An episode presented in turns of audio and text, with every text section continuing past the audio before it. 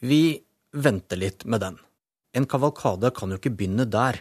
Vi lover en happy end, men den blir jo så mye sterkere hvis vi dveler litt med det vanskelige først. Vet du hva, Jeg bryr meg veldig lite om ting bak.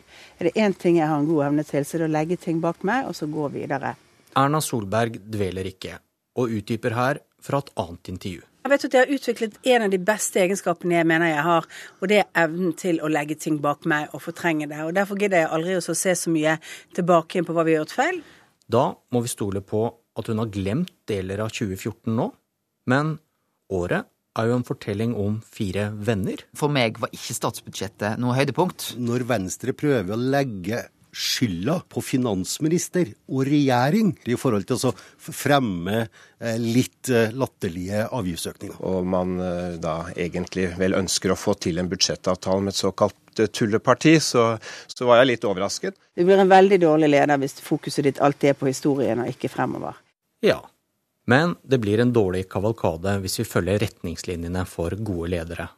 2014 er også fortellinger om en annen leder i bevegelse. Altså, jeg har ikke tenkt å være i politikken og si at den siste tanken er tenkt. All kunnskapen har vi om bord. Erna og Jonas, 2014 dreide seg mye om dem. Kanskje for mye? Synes du forfatteren går over streken? Jeg har ingen kommentarer til selve boken. her. Altså. Det kommer en bok om deg neste uke også. Tror du at fokuset på din kropp vil være like stort der? Det, det vet jeg ikke. Men det har vært fokus på om Støre lignet veldig på en annen mann. God dag, Stoltenberg. God dag, Støre. Gratulerer med innstillingen. Nato midt i byen. Takk skal du ha. Det er Ja, ja. ja, det er flott. Her står vi og kan ikke annet. Nei. Vi er på vei på vei. Ja, det er det. Stoltenberg og Støre fører en samtale, så naturlig som en samtale kan være, med kameraer og mikrofoner en halv meter unna. Men et, et av hovedtemaene nå som pressen er opptatt av, det er hvordan vi er ulike. Ja. Hva svarer du da? Nei, men Jeg svarer at jeg aldri har prøvd å definere meg som hva som er ulikt fra deg. For at eh, du er jo... Og det er ikke noe poeng å være mest mulig ulike. Nei. Jeg er ikke et alternativ til Jens Stoltenberg. Jeg er meg selv. Morna Jens, han gikk til Nato. Jonas Gahr Støre blir leder for et Arbeiderparti i opposisjon. Og når det ble stilt spørsmål om han kanskje ikke ville ligne så mye på Stoltenberg, gjorde han det visst likevel. For ville han la olja ligge? Ja, men jeg sa altså ikke det. Jeg er imot, og mener det ikke er riktig at vi sitter og politisk vedtar at et visst eh, andel, en viss brøk av sokkelen skal bli liggende. Men som han selv har sagt. Eh, altså, Jeg har ikke tenkt å være i politikken og si at den siste tanken er tenkt. Det må være en målsetting å røyke ut eh, den eller de som står bak det. Det kom et maktskifte i et annet parti også. Så tror jeg det er noen som er litt lei seg for ord de har sagt i den prosessen. Noen er litt lei seg for eh, ord de har fått. Du snakker ned konflikten nå, gjør du ikke det? Ja, Det er nok som å snakke han opp. Så det er, det er ingen grunn for å snakke den eh, opp, i hvert fall. Og, eh, både for Navarsete og Borten Moe har dette vært tøffe runder. og jeg synes det noen ganger er jeg vært litt, lei meg på deres vegne. At de skulle liksom få så harde ord, for jeg mener at det har vært ufortjent for begge. Det, jeg har aldri opplevd at Ola Borten Moe har vært illojal mot meg. Sa han som skulle bli leder. Og etter at røyken hadde lagt seg, var Navarsete ute og Tusen takk for uh, ny tillit. Så er det uh, mange som stiller seg sjøl spørsmålet kommer man til å komme over dette her, kommer splittelser til å vare ved. Jeg håper og jeg tror og jeg er helt sikker på at det gjør den ikke. Og kanskje Senterpartiets nye leder, Trygve Slagsvold Vedum, har plukket opp et triks eller to fra Ernas lederskole. For det meste er bare litt støy der og da, og betyr egentlig ingenting. Vet du hva, jeg bryr meg veldig lite om ting bak. Og igjen, da har hun nok også glemt denne. Det var mange damer som sist gikk i 8. mars-tog for selvbestemt abort på 70-tallet, som var her i dag sammen med døtre og barnebarn. Nå er de imot regjeringens forslag om at fastleger skal kunne nekte å henvise kvinner til abort. Fritt valg! Fritt kropp! Fritt valg! Reservasjonsretten har mobilisert kvinner som aldri har gått i tog før.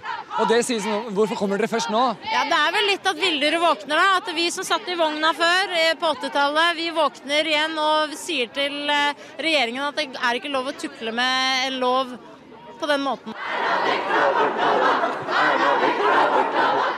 Og statsminister Erna Solberg svarer de tusener i gatene i dag med å kalle massemønstringen deres for spesiell. Jeg hadde håpet at vi hadde hatt en kjempestor demonstrasjon mot vold mot kvinner og barn. Kjempestor demonstrasjon for at kvinner fikk utdanning i tredje verden. Eh, alle de viktige, store likestillingssakene. For dette må jeg si, det skjønner jeg ikke at det er blitt en stor likestillingssak.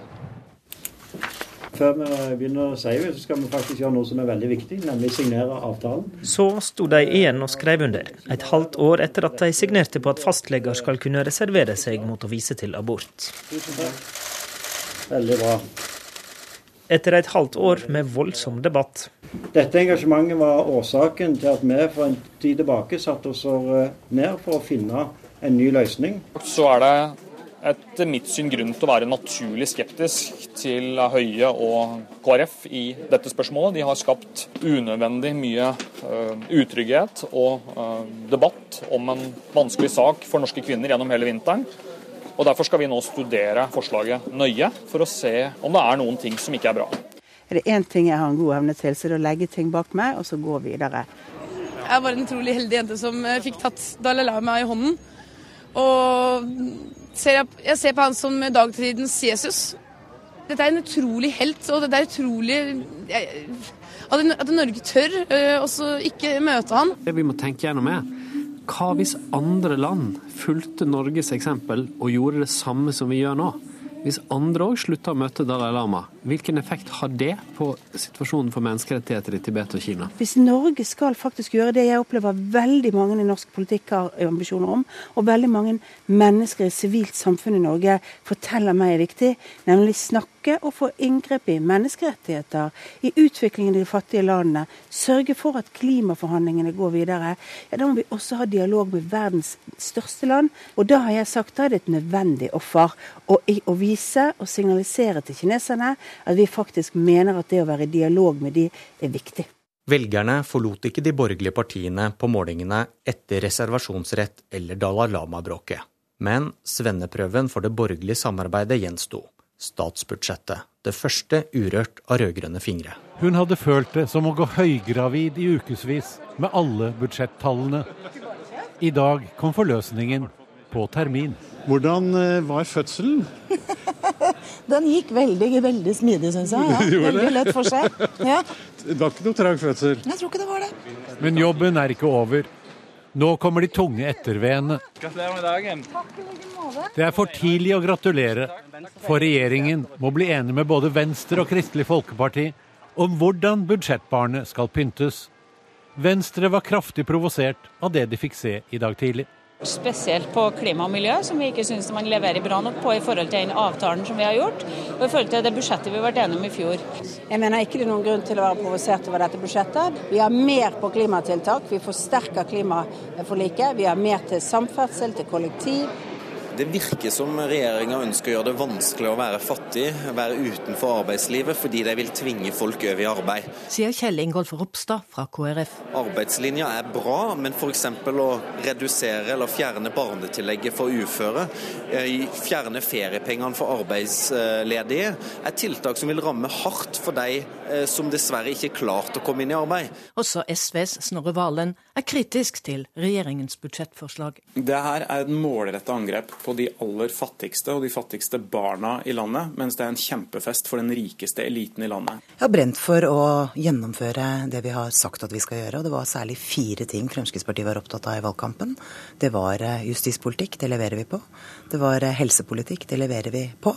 Det var samferdselspolitikk, det leverer vi på. Og det var skatte- og avgiftsreduksjoner, og det leverer vi på. For de aller, aller mest velstående i dette landet så betyr det faktisk skattekutt på flere millioner kroner per person. Alle får lettelser i neste års budsjett, og det er bra, fordi man får sitte igjen med litt mer av sin egen inntekt. Og ikke minst så vil avgiftslettelsene gjøre mange kjøp rimeligere, ikke minst for helt vanlige husholdninger. Ta f.eks. kjøp av ny bruktbil vil bli mange tusen kroner billigere med dette, og det er det mange som trenger å gjøre, ikke minst for å fornye bilene sine. Masar Keshvari, innvandringspolitisk talsmann i Fremskrittspartiet. Hvorfor er KrF et lite tulleparti? KrF ikke er ikke et lite tulleparti. Jeg er svært lei meg for at jeg kom med en sånn usaklig slengbemerkning, riktignok i en bisetning. Og jeg syns det er på sin plass å gi en uforbeholden unnskyldning til KrF for at jeg kom med den, denne utblåsningen. Det var ikke meningen, og jeg er oppriktig lei meg for det. Altså, Jeg syns det er veldig skvært av Masiar å, å si at han beklager det. Etter nesten tre ukers dragkamp kunne regjeringspartiene KrF og Venstre i dag omsider legge fram en budsjettavtale. Dette er et budsjett som eh, ivaretar og forsterker viktige satsinger for alle de fire partiene. Og Med dette så vil de fattigste familiene få gratis kjernetid for alle fire- og femåringene for å sikre at de fattigste familiene skal ha et godt tilbud. Vi ønsker valgfrihet, og der tar vi et langt steg i riktig retning med nettopp dette budsjettet. Men de var ikke helt enige om alt likevel. Eh, og hvis de nå da plutselig er imot denne eh, plastposeavgifta, så burde de ha sagt det i forhandlingene. Men vi står for den. den ja, men det ble ikke lagt fram av finansministeren eller regjeringa, som Trine sa. Det ble lagt frem i løpet av forhandlingene. Så, Av hører, så hører man tilbake, fører man tilbake til, eh, til regjeringspartiene, og så får man tilbakemeldinger. De ble enige. Samarbeidet tålte prøven, selv om velgerne straffet dem på meningsmålingene. Hvis målingen var valgresultat, ville Arbeiderpartiet fått 80 mandater i Stortinget, og mangler bare fem på flertall alene. Jeg tror alle vet at valg det skjer når valg skjer, og det er om eh, tre år. Høyre får 21,5% en tilbakegang på 2,3 prosentpoeng. Det er jo ingen tvil om at den høsten vi har hatt med budsjetturo og annet, gjør at eh, vi ikke kommer godt ut med vår eh, beste politikk. Statsminister og partileder Erna Solberg er klar for å brette opp ermene. Så må dårlig meningsmåling alltid snus til å være en god eh, vitamininnsprøytning til å ha høy arbeidsinnsats for alle. Det er så mye vi var enige om, og det er så mye i budsjettet som er vedtatt som var det opprinnelige budsjettet, at det har vært da blir det jo sånn at Når budsjettet kommer frem, så er det de områdene vi ikke er enige om som får fokus. Man blir litt selvmedlidende og har stått på og jobbet, og så føler man at er, folk forstår ikke hvor flinke vi er. For En av taktikkene til Arbeiderpartiet nå, det er å late som de er for alt det gode vi gjør. Men de valgte altså ikke å gjøre det når de satt i regjering. Var det alt? Husker vi noe mer? Det har en lei tendens til å bli de opphetede debattene, de harde formuleringene. Dere sier at jeg er for tvangsekteskap. Dere sier at jeg eh, bidrar til eh, oppfordringer om halshogging og drap. Det er et mønster i disse anklagene som burde være ubehagelig for Fremskrittspartiet å se. Fremskrittspartiet har aldri fremsatt de påstandene du kommer med. Og det er jo rart hvordan en debatt om islamisering og ISIL kommer til å dreie seg om Men- deg og ditt ego, eh, Hadia. Hadia Tajik er ikke interessant for Fremskrittspartiet som person, men som politiker så forholder vi oss til henne, selv om hun tror det dreier seg veldig mye mer om henne. Vi ser bestialske hendelser i eh, Irak og Syria. Halshugginger, eh, brutale voldtekter, kvinner, barn som blir begravet eh, levende. Det er et faktum som vi bør diskutere, og da bør heller Arbeiderpartiet være interessert i å diskutere hva vi skal gjøre med dette. Men Siv Jensen, dette er et mønster for Frp i regjering. De har én puls gående på utsiden som kommer med de kjente uttalelsene, og så er ledelsen fraværende. I sommer etterlyste jeg gang på gang hva mener Siv Jensen om de uttalelsene hennes nestleder kommer med om Gaza, om Ukraina? Ikke noe svar. Utallige invitasjoner til debatt, ikke noe fremmøte. Og Nå kommer hun her i dag og sier at dette, det er ikke det debatten handler om. Jeg gleder meg jo til den dagen Arbeiderpartiet kommer ut av den eh, surmulingen og sutringen som de har stått i nå siden de tapte valget. Der var den musikken igjen. Jo, vi nærmer oss en happy end, som vi har lovet. For til deg som irriterer deg over fraværet av dybde, den økonomiske situasjonen, de som snakker med små bokstaver og ikke får store overskrifter. Kanskje du er politiker og tenker var ikke min pers sak viktig nok, liksom? Da gir vi dere alle til slutt en rørende historie om to politiske kjemper som var veldig nær å si unnskyld i 2014. Kjell Magne Bondevik og Carl I. Hagen. Og det siste som sies, kan kanskje oppsummere en hel stortingsperiode. For meg har ikke motsetningene til Fremskrittspartiet gått på personlig uvennskap med noen, ei heller Carl I. Hagen. Det er jo ikke mange som overgår deg i å bruke kraftuttrykk. Eh, og jeg ser ikke noe poeng i å gå tilbake til det. Jeg har også noen på laget hvis det skulle være behov for det. Men det legger vi bak oss. Ja. Og jeg er ute av politikken, og det er vel stort sett Hagen også, sjøl om han er med lokalt. Vi er begge voksne mennesker og kan Ja, oppføre oss. Jeg var veldig glad for noe eh, av det Kjell Magne Bondevik sa. Han sa at han angret litt på, eller angret på at han ikke på et tidligere tidspunkt hadde liksom sett på og behandlet Fremskrittspartiet som et ordinært eh, vanlig politisk parti. I think to myself, what a wonderful